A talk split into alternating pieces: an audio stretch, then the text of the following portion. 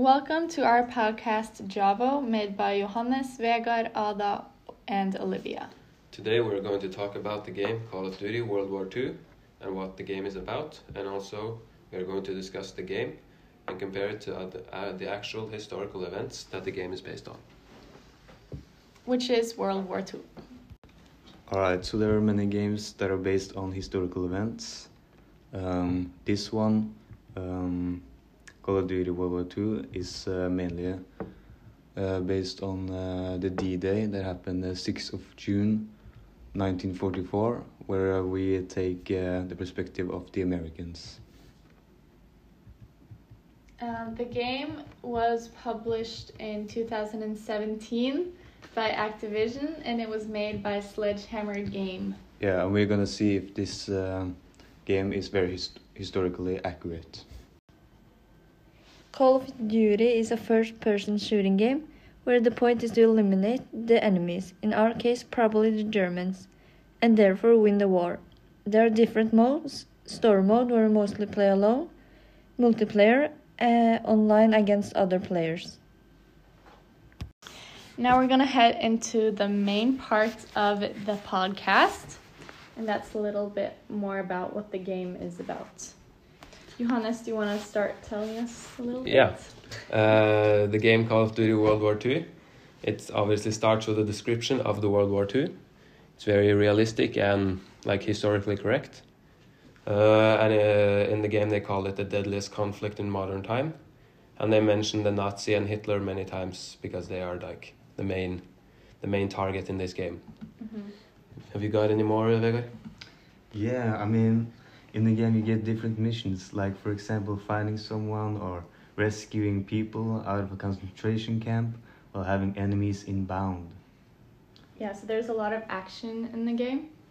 And yeah, some of the main events that you find in the game are, for example, D Day, which is actually uh, something that happened in real life in 1944, which I believe Vegard mentioned a little earlier in the podcast.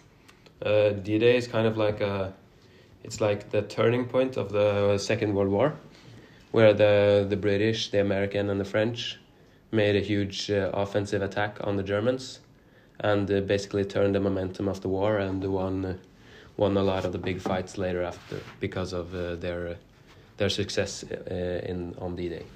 Yeah, and we haven't, well, I haven't played the game, and I don't think Ada has played the game. No. But me and Johannes, we have played Yeah. um, other Call of Duty games, and uh, all Call of Duty all Call of Duty games are basically the same, just uh, with another story. Mm. hmm And also, uh, just to mention that D Day is kind of also like the turning point in the game in some way. So that's also like realistic with what Mm. happened in the real world. Yeah, you meet a lot of like it's very tough at the start of the game, and then after D-Day in the game, the the the missions get a lot easier, and you you feel like you have a lot more success during the during the game. And yeah, And now we're gonna compare the game to the real World War II.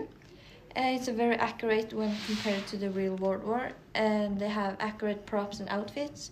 For example, the German officials' uh, pictures from the time period fits with the game. Olivia, do you have something more? yeah, the scenery is also um, very much the same that it was in World War II. For example, the concentration camps that you see throughout the game are pretty realistic with the actual concentration camps.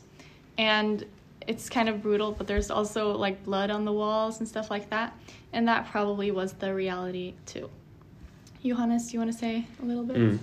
Uh, the game itself is like the actions and the kind of the story of the game is very realistic, but uh, some of the mechanics in the game are kind of unrealistic, like the fact that you can get hit very many times without dying and that you recover very quickly after getting hit. Uh, you also can carry a lot of weapons, a lot of ammunition that you normally wouldn't be able to, Mhm. but it's generally pretty realistic compared with the the the real world. One of the problems that also makes it less realistic is also that you have many attempts, which makes it kind of it would be very boring without it, but uh, it also makes it uh, a lot easier for uh, for the player. You have any more, uh, Vegard? Yeah, so the storytelling is very accurate towards um, uh, real life and how it actually happened, and so the dates uh, actually says in the game when you play the game.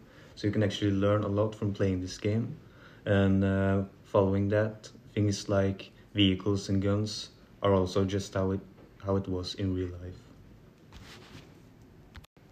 So uh, now we're just going to summarize our opinions on the game. So if Olivia wants to start. I personally don't think that this is a game for me because I'm not really into video games in the first place, and I also think that shooting games are probably not the way for me to go. What do you think, Ada? Uh, I think the game uh, seems very fun actually. Yeah. Mm-hmm. What Yeah, do you me think, too. Øyvind? Um, I, I also think it will be very fun to play this game. I think it's a great way to unleash my aggression, just like the woman in the video we saw. What about you, uh, Johannes? Yeah, I think this uh, this game could be uh, could be a game I could uh, consider playing in the future. I've obviously played some games that are similar in the in the past, and I think it uh, it definitely looks fun. I'm gonna wait till I'm 18 though. Yes. Thank, Yes. you, for listening.